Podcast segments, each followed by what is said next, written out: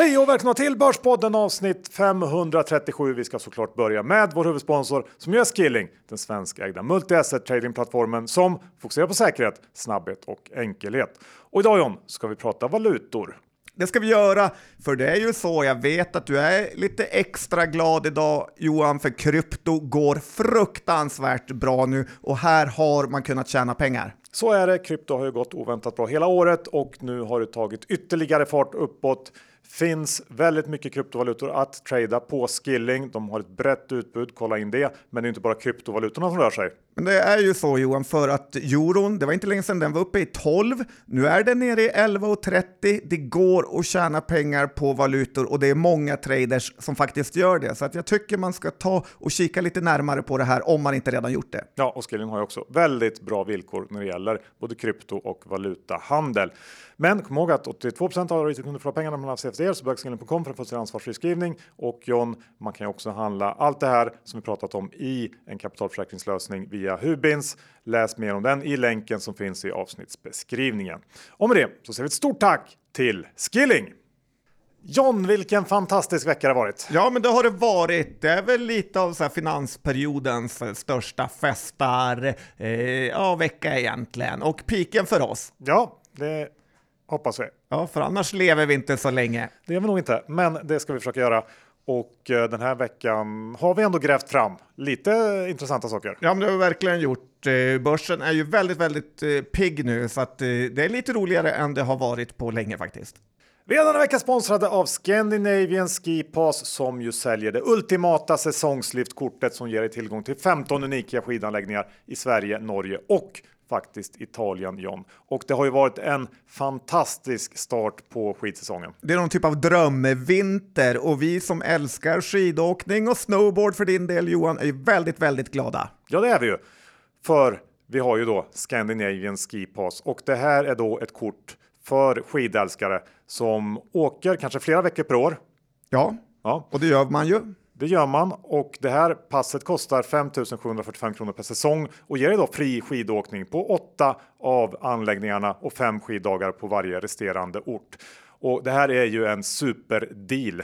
Ja, men så är det ju. Ska vi gå in lite på vilka härliga skidorter de faktiskt har? Jag som är lite Norrlandslover eh, kan väl bara kasta ut Björkliden, Riksgränsen och så har vi i Västerbotten har vi Borgafjällsbackarna som är väldigt, väldigt bra. Johan, har du några favoriter? Ja, men det har jag såklart John. Eh, jag har ju min lilla favorit Trillevallen. Sen har vi Lofsdalen och inte minst Bydalsfjällen som fått enorma mängder snö på slutet. Ja, det är väldigt, väldigt kul och jag tycker man verkligen ska kika in på Scandinavian Ski Pass för att se vad de har att erbjuda. Du kommer inte bli besviken. Nej, det kommer man inte bli och dessutom så kan man använda rabattkoden Borspodden som ger 10% i rabatt på ett redan bra pris. Se till också att följ Scandinavian Ski Pass på sociala medier för att hålla koll på vad som händer ute i backarna. Vi säger stort tack till Scandinavian Ski Pass!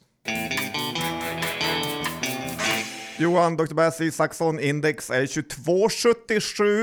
Eh, det är väldigt högt. Eh, Tyskland är på all time high. Det är inte så lätt att vara PhD i BAS eh, just nu va? Nej, jag funderar på att lämna tillbaka den kanske, lilla hatten. Hedersdoktorn. Vi pratar inget mer om det. Du, Nej, men det, det stämmer ju. Efter några sega veckor så har det ju verkligen lossnat börsen. Räntorna tickar ner, fastigheter och allt annat räntekänsligt rusar känns också på något sätt som att marknaden hamnat lite på fel sida av allt det här. Att folk inte riktigt är positionerade för den här typen av hås just nu. Och eh, som du sa, eh, fler och fler bolag närmar sig toppnivåer. Eh, samtidigt så känns det mer eller mindre omöjligt att vi inte går mot några ganska så tuffa kvartal i ekonomin. Och frågan är väl, kommer börsen verkligen svälja svaga Q1 och Q2 eh, på de här kursnivåerna? Vi ska väl börja med Q4? Va? Ja, det också. Det är inte omöjligt, men ja, lite så det funderar jag på just nu. Ja, men jag är väl eh, fortsatt ganska så positiv. Tänker här att lönehöjningarna kommer 2024. Alla är inte jättehårt belånade och eh, ja, förhoppningsvis eh, så kan man titta framåt mot, eh, ja det har varit ändå svettiga år bakom oss. Ja, men jag är nog faktiskt lite på din linje. Något som däremot inte är riktigt lika kul eh, läsning, det är ju PISA-resultaten. Nej, det är verkligen ingen kul läsning, i alla fall eh, inte om man är svensk. Om man är från Singapore är de ganska roliga. Eh, vi har ju sett nu här senaste veckorna ett gäng från det så gamla gardet som är lite verklighetsfrånvända, typ Mittelman och andra, som skriver sådana här saker som kom igen Sverige-krönikor eller ge inte upp, vi kan bättre, eller, eller ser inte så svart och så vidare. Eh, Har men, inte vi också gjort oss lite skyldiga till Ja, fast vi var ju på botten. Nu det, men, så här. men nu har ju faktiskt verkligheten kommit i fatt när de här PISA-testerna kom igår och visade att svenska skolan är ett fullständigt haveri. Svenska elever är helt värdekassa, som man säger. Eh, och åker du tunnelbanan mot västerort en dag så kan jag ju säga att du får ju känslan av att det är i princip kört för framtiden. Eh, med tre kids i skolan dessutom så är det ju bara att instämma med PISA-testerna. Kommunens styrning av skolorna är ett skämt och det är ju på riktigt faktiskt illa ställt. Och då pratar jag ändå Bromma. Om det inte är två föräldrar som håller stenhård koll på att ens barn hänger med så är det ju kört eh, skulle jag säga nästan. Eh, skolan har sån enorm resursbrist, eh, mest på grund av ledningsinkompetens. Så att på det här området är jag faktiskt mer negativ än någonsin till Sverige. Och återigen Johan, det är värt att poängtera här att det är absolut inte lärarnas fel, utan det är kommunens sätt att sköta sina skolor som är det stora problemet. Och det kan faktiskt också vara bra att veta att det fungerar så här i Sverige, att de värsta och de sämsta områdenas skolor får absolut mest pengar i skolpeng, medan bra områden får mindre pengar. Och det gör ju på något sätt att de som betalar mest i skatt och faktiskt har möjlighet att ge sina barn bäst förutsättningar eh, för att bli något får absolut sämst eh, skola. Eller i alla fall så får skolan minst eh, pengar. Så att mitt råd till alla er som lyssnar där ute, är ställ era barn i, kön, i köer till privata skolor. Jag kikade lite på det här testet också och såg ju att i toppen där så är det ju många asiatiska länder. Eh, det kanske också hänger ihop med det vi upplevde när vi var eh, bland annat nu i, Sydkorea senast, att många satsar ju extremt hårt på sina barns utbildning. Ja, då går det inte som oss att hålla på att skaffa massa barn som man inte kan hålla koll på. Nej, du, det är ju sån här wrapped tider också. Jag tänker på Spotify Wrapped. Det säger du, det har man inte sett på Twitter. Folk är verkligen sugna på att lägga ut ja, vad de lyssnar på. Lite hemskt. Spotify skapar någon slags sammanfattning om hur unik och speciell man varit under året som de vill att man ska dela. Men absolut ingen annan vill se det här. Nej. Nej. Men Syding delade direkt. Igår, igår upptäckte jag att de har ju även en sån här för alla som har en egen podd det har de. Sådana som dig och mig. Ja, då blev vi intresserade direkt. Och tänkte att det kanske inte är så trist att prata om ändå det här. Daniel Ek har ju ändå något. Ja, men jag tänkte dra några godbitar från Börspoddens Wrapped. Vill du höra det? Ja, du brukar ju spara de här till årsskiftet nästan, men jag är intresserad ja, ändå. men jag tänkte nu, det eh, kanske passar idag. Det gör det. Första sliden som dyker upp när man trycker på den här presentationen eh, är ju en text där det står folk gillade verkligen din vibe under 2023. Och då känner, ja, man känner ju direkt det här börjar inte bra. Nej, det gör det inte. Och sen klickar man sig vidare, då kommer det hur känns det att ha blivit ett globalt fenomen? det är ju... tackar som frågar. Ja, det är trevligt. Det är liksom den spontana reaktionen. Ja, verkligen. Hade Svenskar utomlands på semester ja. lyssnar på Börspodden. Då blev man ett globalt fenomen. Hade kanske hoppats. Eh, Eller är det vår engelska Johan som har gjort att vi har brutit igenom? Kan i och för sig vara. Kan det vara. Nej, men jag hade hoppats på att den här eh, globala fenomenkänslan skulle vara lite mäktigare och starkare kanske. Lite så. Ja. Och tittar man djupare på det så byggde då Spotify den här insikten på att vi streamades i 55 länder. Men But who's counting? utlämnade att 96 procent av eh, det totala antalet streams var i Sverige och resten då som du sa, typ svenskar utomlands. Men eh, ändå kul. Och, kan eh, du, vilka länder?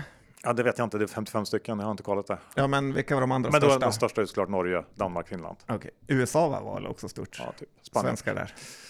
Eh, men Vet du vilket avsnitt som var, har varit absolut mest populärt i år? Nej, faktiskt inte. Det är faktiskt eh, när vi träffade Sven Hagströmer. Alltså old but gold. 100, Jag ser att det håller fortfarande. 183 procent mer streams än vårt eh, genomsnittliga avsnitt. Så att, eh, vi får säga tack till Sven där och lite så här förlåt om vi var taskiga på slutet. Ja, och även kul att se de här gubbarna faktiskt eh, drar folk och eh, håller. Eh, Sverker Martin Löv var ju väldigt populär när han var med, Kviberg populär när han var med och ja, att Hagström är nu det mest lyssnade eh, för det här året är ju väldigt kul. Så att vi är fortfarande unga Johan. Okej, och när du är ändå inne på sånt här eh, spår så tycker du att det finns en ängslighet i Sverige? Det gör det verkligen. Och jag undrar lite så här, varför måste vi köpa saker som liksom verkar tuffa men inte fungerar i Sverige när det blir vinter? Uggs har vi varit inne på för något avsnitt eh, sen. Skor gjorda för att värma fötterna efter surfning i Kalifornien som kostar 2 500. Och sen ska varenda unge eh, i Stockholm och ja, men i resten av Sverige eh, verkar också som när man eh, har läst kommentarerna. Men så här skor som går sönder direkt vid snö. Tesla är en annan sak som kommer från Kalifornien. Eh, min egen står ju helt översnöad och helt omöjlig att öppna dörrarna på nu när de har frysit fast här. Så det är tur jag har två eh, bilar. Har det snöat en enda gång i Los Angeles tror du? Vet faktiskt inte det. Nej, man har inte jättebra koll där, men det känns ju ändå inte som att det snöar mycket. Nej. Eh, hade en lyssnare som skickade video från Los Angeles nu. Jag kan säga att det var inte tråkigt väder där. Eh, vår tunnelbana, vi har inte tåg från ABB som Ja, men kom du ihåg SJs gamla tåg som alltid fungerar, utan nu har vi någon typ av tåg från Bombardier och eh, de är det inte många rätt på just nu.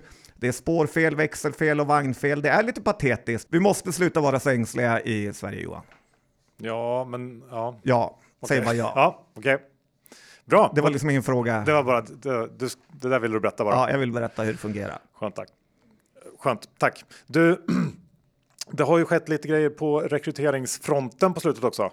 Ja, jag såg att Helen Hed som skulle förändra projektengagemang avgick idag. Blev inte mycket. Eh, hon försämrar bolaget till det sämre. Tackar, tackar. Ja, det var ett svårt jobb i och för sig, men ehm, sen så har vi ju Avanza har det hänt grejer på. Verkligen. Vi har ju Scholze där. Ja, Eller är det något annat du tänker på? ja, Han eller, som ska börja som sparekonom. ja men precis. Först förstörde han Peppins och nu ska han ta över han eh. Avanza. Det kan man Nej, inte skylla jag är lite, har jag lite mobbarmentalitet Ja, det i mig. jag du har. Jonas Olavi har ringt Rickard Josefsson hundra gånger och sagt att du lovade ju mig jobbet. Eh, eh, Så blev det inte. Så blev det inte. Nej men grattis eh, Filip, ändå kul att de äntligen har fått en eh, vettig kille på plats. Ja, Ja, men det känns ju som ett stabilt val ändå. ja, ett säkert kort. Och det för mig kanske till de här två olika rekryteringsskolorna som vi har sett prov på på slutet. Vi har ju då den som Avanza testade innan då, lite så här wild and crazy eh, alla Knut skolan Ja, eh, som inte funkar riktigt. Sen så har vi också då på andra änden av skalan bortom tråkrekryteringen av Investor som i veckan plockade in den här långvägaren Christian Cederholm som jobbat på Investor sedan 2001 till ny vd. Eh, Men det är ju så att tråkigt och långsiktigt brukar faktiskt vara en vinna, ett vinnande koncept på börsen och så blir det nog för Investor den här gången också. För om man är tråkig och långsiktig Volta av vd så kan man vara ganska säker på att det inte blir några större förändringar, inga nya vilda investeringar utan bara mer av detsamma och det är ju ofta någonting väldigt bra. ja men lite som det svenska landslaget eh, plocka upp eh, Lasse Lagerbäck från juniorerna till riktiga landslaget. Det blev ju bra. Istället eh, när vi gick med Shining-mannen, vad heter han, Hamren och eh, den senaste Andersson. Så är det. Men du, har du hört? Får jag bara säga en sak till? Ja. Lite tror jag att man ska plocka upp Knut nu. Han är ju väldigt billig, revanschsugen, hungrig. Tilltufsad. Ja, till, men han vill visa att han duger. Ja, det vill han. Så att om, och liksom, någon gång får vi förlåta ett litet husbygge. Så att eh, jag tror, Absolut. vore jag stor eh, företagare nu så hade jag nog kanske anställt Knut faktiskt. Ingen dömer det. Men är det någonting du har hört på desken eller? Ja, det här Johan måste vi ju faktiskt eh, prata om. Det är inte så lätt att må bra eh, när man hör eh, sådana här saker och det måste faktiskt upphöra för jag tröttnar på det så fruktansvärt när töntiga personer som heter något med trader eh, skriver på Twitter eh, saker som de hört på desken. Som att de sitter på Goldman Sachs eh, mäklarbord i New York med 400 pers där det bara sägs coola grejer och miljardavslut eh, görs eh, hela, hela tiden. Man vet ju att det är två svettiga fullblodslosers som sitter inhyrda på något företagshotell med 150 000 på sin depå och inte har den minsta aning om hur man tjänar på börsen egentligen som skriver sådana här saker. Jag har hört det på desken. Jag kollade igenom eh, igår om jag kunde hitta någonting roligt som någon har skrivit med hört på desken. Och jag hittade ingenting. Alltså inte ens att jag rörde en min när jag såg det. Ingenting. Ingenting. Sluta Nej. med det. Ja, men då får vi sluta med det helt enkelt. Uh, och uh, Ja, vi behöver inte sluta. nej, för vi kanske inte säger det så ofta. Men alla som heter något med trader. Hört på stan har vi sagt. Ja, Men det är något annat. Ja, det är något annat. Ja. Det funkar fortfarande. Ja. Uh, ska, vi kanske, ska vi kanske avsluta första delen John, med EQTs Public Value-fond? Den som Gud faktiskt glömde. Ja, Eh, och som är under avveckling. De har ju lappat ut alla aktier i BOG här eh, under morgonen eller kvällen kanske då. 11.50. Och yes. det ju- blev ingen bra affär. Nej, de köpte väl dem runt 50 spänn tror jag. Och eh, fler sådana här affärer är ju på G från den här fonden.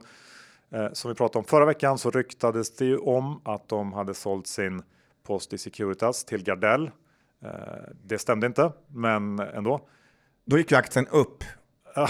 Men så här, man hatar ju den här eh, EQT-fonden. Alla vill ju bara bli av med dem. Ja, och framförallt så vet man ju att de ska säljas. Så att det är ju som en våt filt Ja. fram tills att de säljer. Och de har ju nu fyra eh, större positioner kvar i fonden. Eh, förutom Securitas så är ju det Biogaia, eh, Afry och Storytel. Alla ska ut. Gjordes det inte en lappning i Biogaia igår? Eller om det var idag? Gjorde det? Ja, osäker. Får kolla det. Men det är ju ingen dum idé att hålla koll på de här aktierna och dessutom så får man säga att den här fonden bara stod för en halv procent av EQTs eh, totala förvaltade kapital. Det märks för de har verkligen skött det här med vänsterhanden. Eh, De blev på något sätt där ännu girigare än de var från början när de startade den här och tänkte att vi kan väl lika gärna försöka tjäna lite extra pengar på den noterade marknaden också. Men det var inte så enkelt John. Nej, det är inte så enkelt på börsen, det ska man komma ihåg. Vi har den vecka med oss vår exklusiva fondsponsor Fidelity. Rickard, börsen har varit stark de senaste månaderna. Hur ser ni på Fidelity på det? Ja, frågan är om vi ser ett så kallat tomterally så här innan årets slut och tecken visar ju lite på det. Eh, aktiemarknaden har ju varit väldigt stark eh, de här senaste veckorna. Och under de senaste månaderna så har det framförallt varit drivet av inflations och eh, tillväxtdynamiken som har drivit på marknaderna. Nedgången i aktier under framförallt oktober det sammanföljer ju lägligtvis nog med att de tioåriga statsräntorna i USA nådde ju sina högsta nivåer på 16 år och S&P 500 och Nasdaq sjönk eh, om man jämför då från juli och fram till den perioden. Men sen verkar det som att marknaderna har varit lite översålda och aktier har ju studsat upp rejält då framförallt när obligationsräntorna då vänder neråt. Och vi tycker vi ser nu att marknaderna de satsar på att Fed har eventuellt avslutat höjningarna med tanke på att inflationsförväntningarna i USA verkar ha stabiliserats. Och hur ser ni på Q3-rapporterna från USA och Europa? Över 90 procent av bolagen i S&P 500 har ju rapporterat ökade intäkter. Och det var ungefär 80 procent av bolagen som slog förväntningarna. Och det här ledde då till vinstökningar på ungefär cirka 7 procent totalt. Och tredje kvartalets vinsttillväxt, ja, det är runt 4 procent. Och efter tre kvartal nu så tycker vi att den värsta nedgången kan vi eventuellt ha lagt bakom oss då. då. Går vi över till Europa så ligger man lite efter USA när det gäller rapportperioden och eh, vinsterna de är lägre och intäkterna minskade med ungefär 9 Och eh, europeiska företag de hänvisar framförallt då till en svagare efterfrågan vilket indikerar på ett någon trögare ekonomi. Vi ska också påminna om att investeringens värde kan minska och öka. Det kan hända att du inte får tillbaka det investerade kapitalet. Historisk avkastning är ingen tillförlitlig indikator för framtida resultat och åsikter uttryckta kan redan ha på och inte längre gälla. Hänvisningar till värdepapper ska inte tolkas som en rekommendation att köpa eller sälja dessa värdepapper och ingår endast i illustrationssyfte. Investeringar på tillväxtmarknader kan vara mer volatila än på mer utvecklade marknader. Vi säger stort tack till Fidelity International! Vi är denna vecka sponsrade av SaveLend som ger dig stabil avkastning utan tur och timing genom att investera i räntor och SaveLend fortsätter ju att leverera positiv avkastning till sina sparare månad för månad. Faktiskt ingen månad med negativ avkastning sedan 2016. Ja, och det här älskar ju vi. Jag loggar just in på vårt konto hos SaveLend, Johan, och där har vi över en halv miljon. Så att eh, vi gillar den här produkten, det får man faktiskt lov att säga.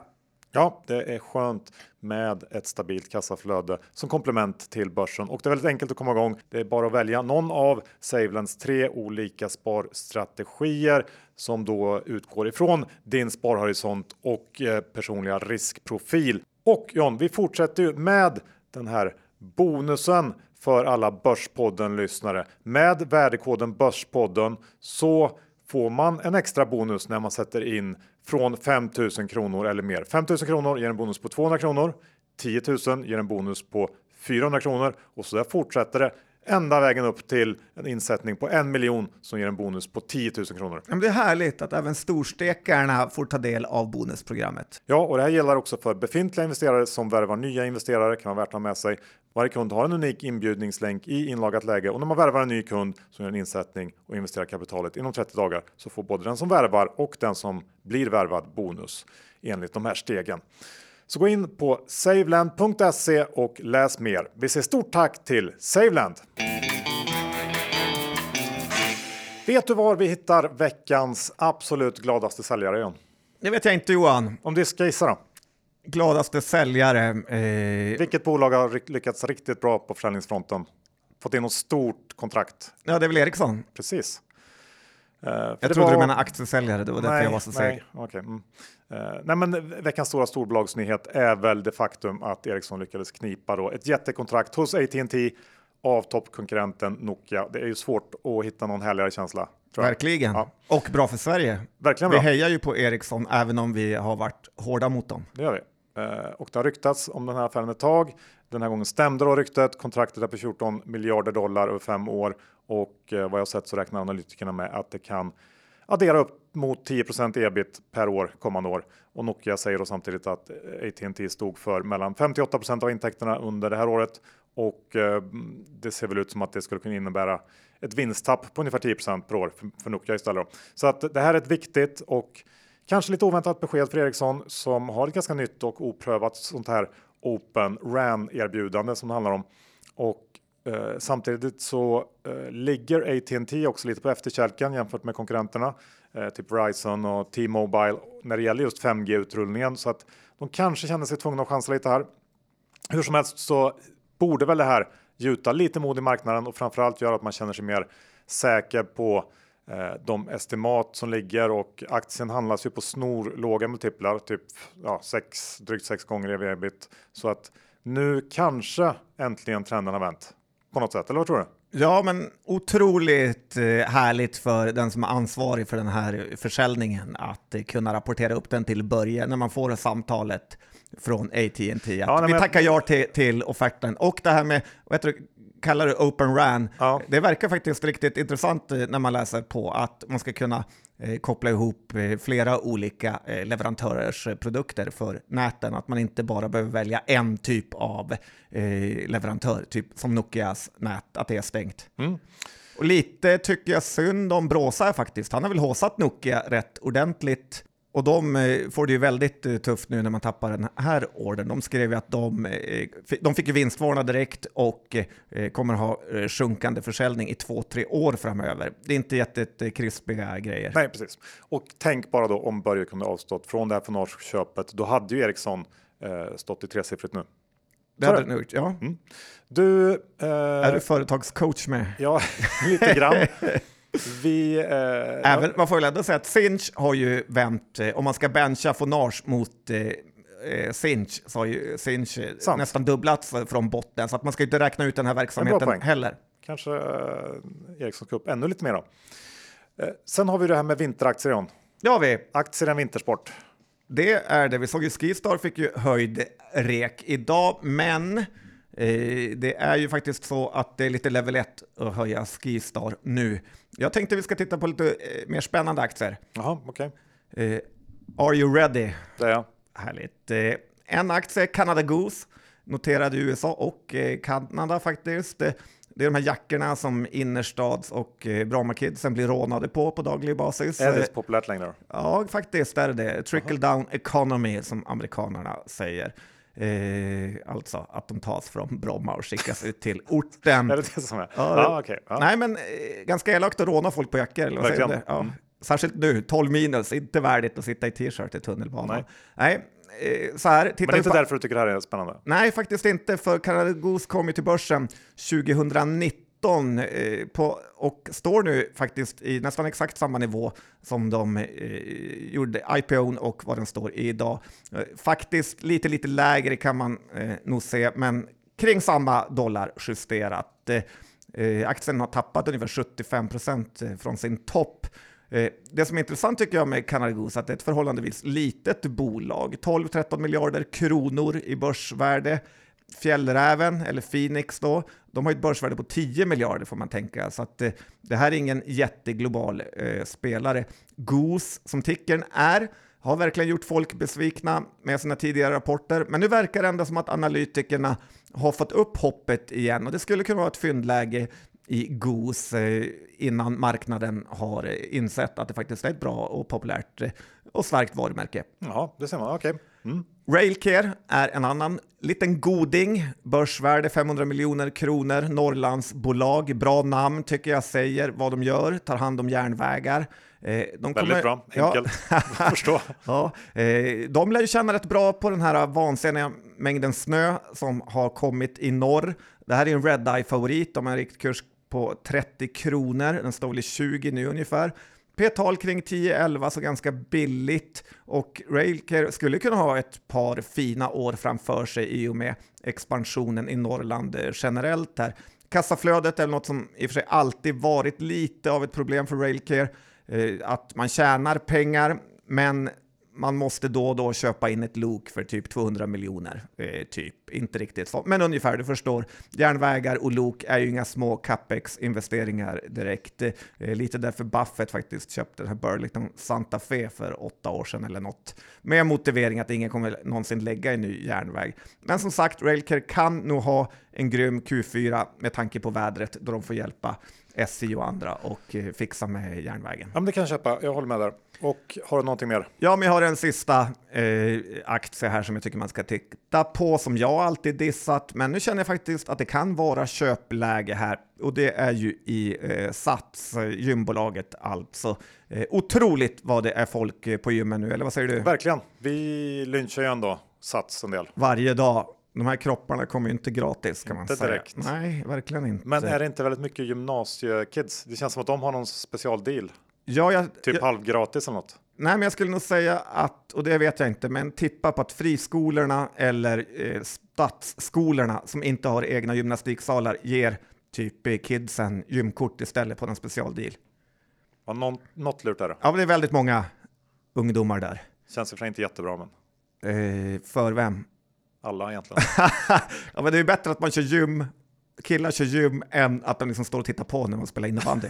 Det är sådana som du och jag som tyckte att det var kul med innebandy. 80% tyckte inte att det var kul. Jag har aldrig tyckt att det var kul, men okej, okay, jag förstår vad du menar. Ja, men fotboll då? Ja. Mm. Alltså, okej, okay, vi fortsätter. Ja, John och Johans gympa eh, karriär kanske man inte vill höra så mycket om. Eh, nej men det här, Sats är ett bolag som haft det IPO-at eh, för ett tag sedan och haft det väldigt tufft. Man kom in med för hög skuldsättning, lovade lite för mycket och sen kom den här pandemin och allt bara bröt ihop eh, fullständigt. Eh, men nu verkar det eh, som att pilarna är på väg uppåt igen om man ska citera mainstream media. Sats är ju typ exempel på ett bolag som har väldigt stora fasta kostnader. De har ju lokalen, all personal, sånt och tjänar ju då väldigt, väldigt mycket när de får eh, nya medlemmar utöver liksom grundantalet här. Jag tittade lite på Affärsvärldens analys här och de gav ju såklart en gul rekommendation, alltså gör ingenting, deras favoritfärg. Eh, trots ett p-tal på 13 i år och 11 på nästa. Men jag tror ändå att vi kan få se några monsterkvartal här i Sats, eller i Sats-aktien framöver här. Så att jag är faktiskt rätt eh, köpsugen. Och då säger jag inte det här med enkelhet Johan, eftersom du vet ju vem som är storägare i det här bolaget. Han andas som Per H ungefär och är jätte, jätteond. Harald Dart Darth Vader ja. med Altor äger 23 procent i det här mm. bolaget. Så att, det är inte med lätthet jag säger köp, men jag tycker ändå att det är för intressant för att låta men bli. Han ligger väl back där också nu eller? Han ligger rejält med back. Mm. Att, och det gillar man ju, eh, köpa man. hans billiga aktier. Det behöver inte vara fel. Det, ska vi ta då um, en väldigt stark kandidat till årets monsterhärva nummer ett som ju sent och sidor rapporterade förra veckan i fredags. Är det via Play? Såklart. Uh, Q3 sköts ju upp uh, för en månad sedan och ja, bara några timmar innan den skulle släppas med då att man ville av motiveringen att man vill av, avvakta slutförandet av alla möjliga diskussioner med aktieägare, långivare och så vidare. Och eh, frågan är då, vad blev det av allting det här? Jo, det blev ju ett eh, väldigt stort antiklimax får man säga. För förhandssnacket handlar väl ändå mest om vilka eh, olika möjliga affärer eller partnerskap som de här nya storägarna kunde bidra till. Men så blev det ju inte, utan Viaplay annonserar istället ett stort rekapitaliseringsprogram, nyemission på 4 miljarder, omstrukturering av skulder, nedskrivning av skulder eh, och så vidare. Och då den här nyemissionen görs på en krona per aktie. Det var ju sensationellt eh, sinnessjukt. Aktien gick väl ner 80% i öppningskålen på morgonen. Ja, och man har väl knappt sett det här förut att Viaplay kommer då att totalt sett emittera 4,5 miljarder nya aktier och eh, idag finns det då 78 miljoner aktier så att det blir ju lite utspänning. Ja, men det är lite SAS-känsla över hela. Ja. Och lite det vi varnade för när det är så konstiga ägarkonstellationer med någon från Tjeckien, eh, något mediebolag därifrån, Kanal Plus, eh, Schibsted. Eh, det är ju inte lätt att dra jämnt i den här härvan. Det är det inte. Sen finns det massor av eh, ifs and buts i det här. Eh, bland annat så måste 90% av obligationsägarna och två tredjedelar av aktieägarna gå med på den här planen. Men eftersom alternativet på något sätt är ännu värre så får man väl anta att det är så här det blir. Och en intressant grej är ju att Kanal Plus samt de här PPF, tjeckiska eh, gänget, tar sina delar och köper mer i den här riktade emissionen, eh, vilket gör att de två blir största ägare. Men Schibsted verkar ju inte göra någonting alls. Så att man undrar ju lite hur tänket eh, gick där borta. En liten trade på 300 miljoner. Ja, det var inte proffset gjort. Och man får väl inte heller komma över 30 procent i, i Viaplay, för då utlöser man någon typ av bud, vilket man kanske inte heller vill. Eh, och att det var något med obligationsägarna där, att man är tvungen att betala tillbaka alla Ja, obligationer precis. om man kommer över 30 procent. Så att det är många parametrar i den här härvan, så troligast är nog ändå att det blir eh, nyemissionerna på en krona kommer gå igenom. Det känns så. Eh, Och man får säga analytikerna har väl gjort bort sig så fruktansvärt mycket i det här. Jag såg att ett gäng sänkte den till en krona. Eh, Det var inte imponerande. Sänka den till nyemissionskursen. Nej, vad ska man göra? Eh, Men verkligen, de här riskerna som uppenbarligen fanns där var det inte många som hade koll på. Eh, Sen kollar jag också hur antalet ägare i Viaplay förändrats hos Avanza under året och tyvärr så stämde ju den här dödsindikatorn jag pratade om eh, även den här gången. För efter framförallt det här första stora raset i våras så steg ju antalet Avanza-ägare rejält. Eh, Sett i helåret så har antalet avansianer som äger Viaplay ökat med nästan 40 procent och alla har då nu förlorat i princip allt de stoppar in. Eh, Jag tror att det kanske var 15 eh, 17 000 aktieägare eller något sånt på Avanza. Det är inte kul att höra. Så det är väldigt tråkigt för väldigt många. Eh, Och sen är det ju möjligt att den här aktien kan vara värd att titta på i samband med själva nyemissionen på något sätt. För nu får man ju säga att det är utrensat. Ja, nu är ju lössen utrensade kan man ju lugnt eh, säga. Inte mycket värde kvar, men nej, det är fruk- fortfarande inte, men, fruktansvärt svårt. men det är en bit in i 24 2024 som, som allt det här händer och rätterna avskiljs och så vidare. Så att man behöver nog inte rusa in i den här in. aktien. Nej, och sen, jag tycker ju att Anders Jensen, som var den tidigare Viaplay-vdn, kommer ju alldeles, alldeles för lindrigt undan. Eh, Börsdumpen söker ju honom med ljus och lykta. Ja. Han är liksom en egen flik på eh, sajten. Så, skallgång runt hela Stureplan. ja, rapportera gärna in vart Anders Jensen är. Börsdumpen vill tillkännage honom en hedersmedlemsplats. Eh, Tänkte även på hans namn. Har du tänkt något på honom?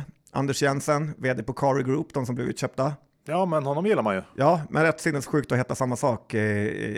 Men han är ju inte direkt eh, kort eh, sig själv eh, trots namnet, får man säga. Nej, men Eh, behöver, han behöver inte skämmas. Eller? det behöver han inte göra. Jag såg här på eh, Instagram att Ryds Bilglas, som ju typ är Kari, hade ju eh, julfest på hans egna restaurang. Med där, Trevligt. ja, men där hans fru Charlotte Perrelli stod för underhållningen. Litet power couple eh, får man ju säga att det är ändå. Ja. Men det är inte defense han spelar när han gör sådana grejer kan man ju tycka. Eh, han har ju också utmanat oss på tennis på Instagram faktiskt. Eh, och där ska vi slå vad om något, eh, tycker han. Vet du vem hans dubbelpartner är? Nej, Niklas Kulti.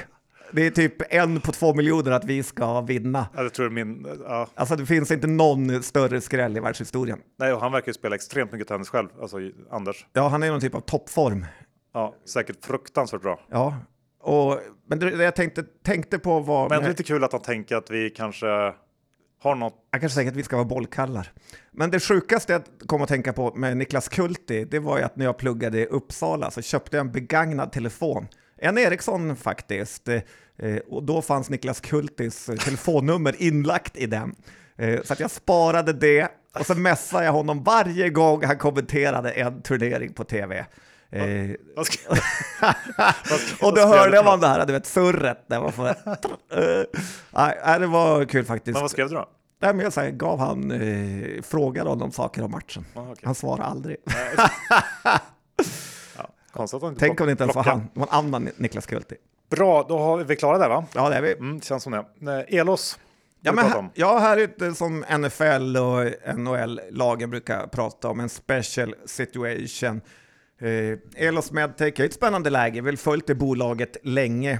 Lidköpingsbolag faktiskt. Inte många bolag därifrån. Eh, Rörstrand är väl Lidköping mest känd för. Rådhuset kanske. Ja. Anders Järryd. Ja. Kan jag allt? Eller? Så, Eh, ja, hur som helst, det, det är verkligen, verkligen ett speciellt läge här. Eh, TA, Asso TA Associates eh, som är en perfekt eh, ja, men det är ett 500 miljarders eh, P-fond här som Topp PISA-testet. där hjälpte man till att sänka det lite lägre. Eh, som sagt, 80-85 procent ägde de i Elos eh, som eh, då ville de tvångsinlösa de här aktierna, men det gick ju inte eftersom ett gäng satt sig på tvären. Det här är en härva som har pågått eh, under något år då och i och med det här så har ju aktien varit eh, helt eh, död nästan. Kursen harvat mellan 200 och 220, men då slår Elos till med ett förvärv som är tre gånger så stort som man är själv give or take, och gör också en sån här jätteföreträdesemission. Investerarna skulle då in med typ tre gånger så mycket pengar som man hade investerat här och det blev ett problem för många. Eh, TA Associates eh, tecknade en stor andel av det som inte blev tecknat och det gjorde ju att de hamnade över 90 procent och eh, ja, men har ju nu på, eh, kallat tvångsinlösen. Eh, så frågan med det här bettet då, eh, som man kan ta är ju vilket eh, pris eh, man kommer få vid eh, tvångsinlösen. Eh, min bästa take och gissning är att man kommer få de här 214 kronorna eh, som aktien var på, som handlades, eh, den handlas i innan, när det väl går igenom. Det kan gå fort om bolaget erbjuder sig att lösa de här aktierna, men det kan också bli långdraget i ett, två år i sådana här processer. Men då kommer man få ränta under tiden. Aktien handlas 193 nu. Så det är lite så specialcase för de som vill intressera sig för det. Tycker det känns lite som ett sånt här plocka liksom femöringar på rälsen case.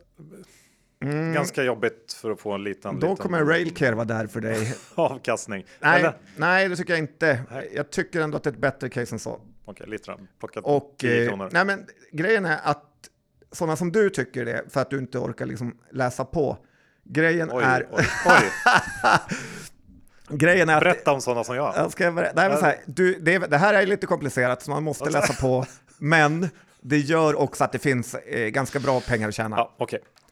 Jag får lösa på det helt enkelt. Eh, Generellt är det så med börsen att ju mäckigare villkoren är, desto eh, mer pengar finns det att tjäna. absolut. Och förlora också för de som är okunniga. Ja, så är det.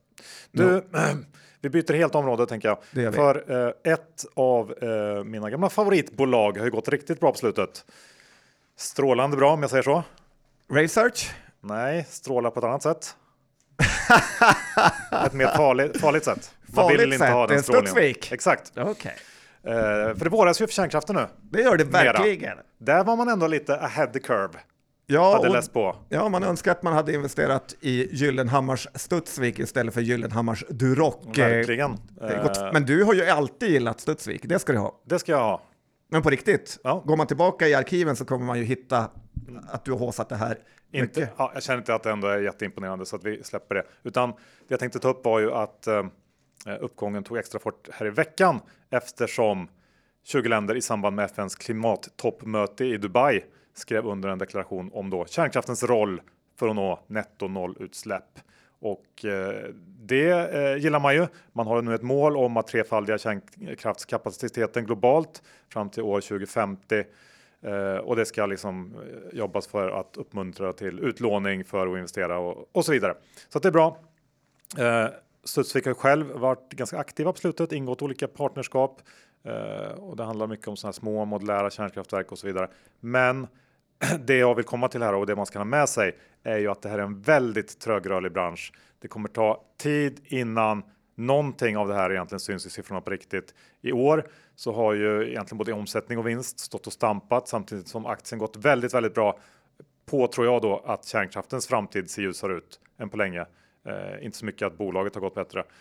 Eh, men för ett bolag som antagligen inte kommer att prestera någon jättetillväxt kommande år så betalar man väldigt höga multiplar just nu och det, man ska väl också komma ihåg att det finns en hel del hinder på vägen innan det börjar massbyggas nya kärnkraftverk trots den här eh, allmänna eh, liksom glädjen och FNs olika beslut och så. Ja, det brukar ju alltid bli stora besvikelser när eh, rapporterna kommer, men det råder ju väl inget tvivel om att kanske värdet på Studsvik ändå har gått upp, Absolut, även om vinsten inte hänger med eh, kortsiktigt. Det är en, en unik tillgång får man säga. Det finns inte så mycket sånt att investera i, så det i sig gör ju att det blir dyrare. Vad heter den? Malte Stockselius eller något som köpte aktier jämt på gamla goda. Mm, han var också en av de stora ägarna. Ja, undrar om han är kvar.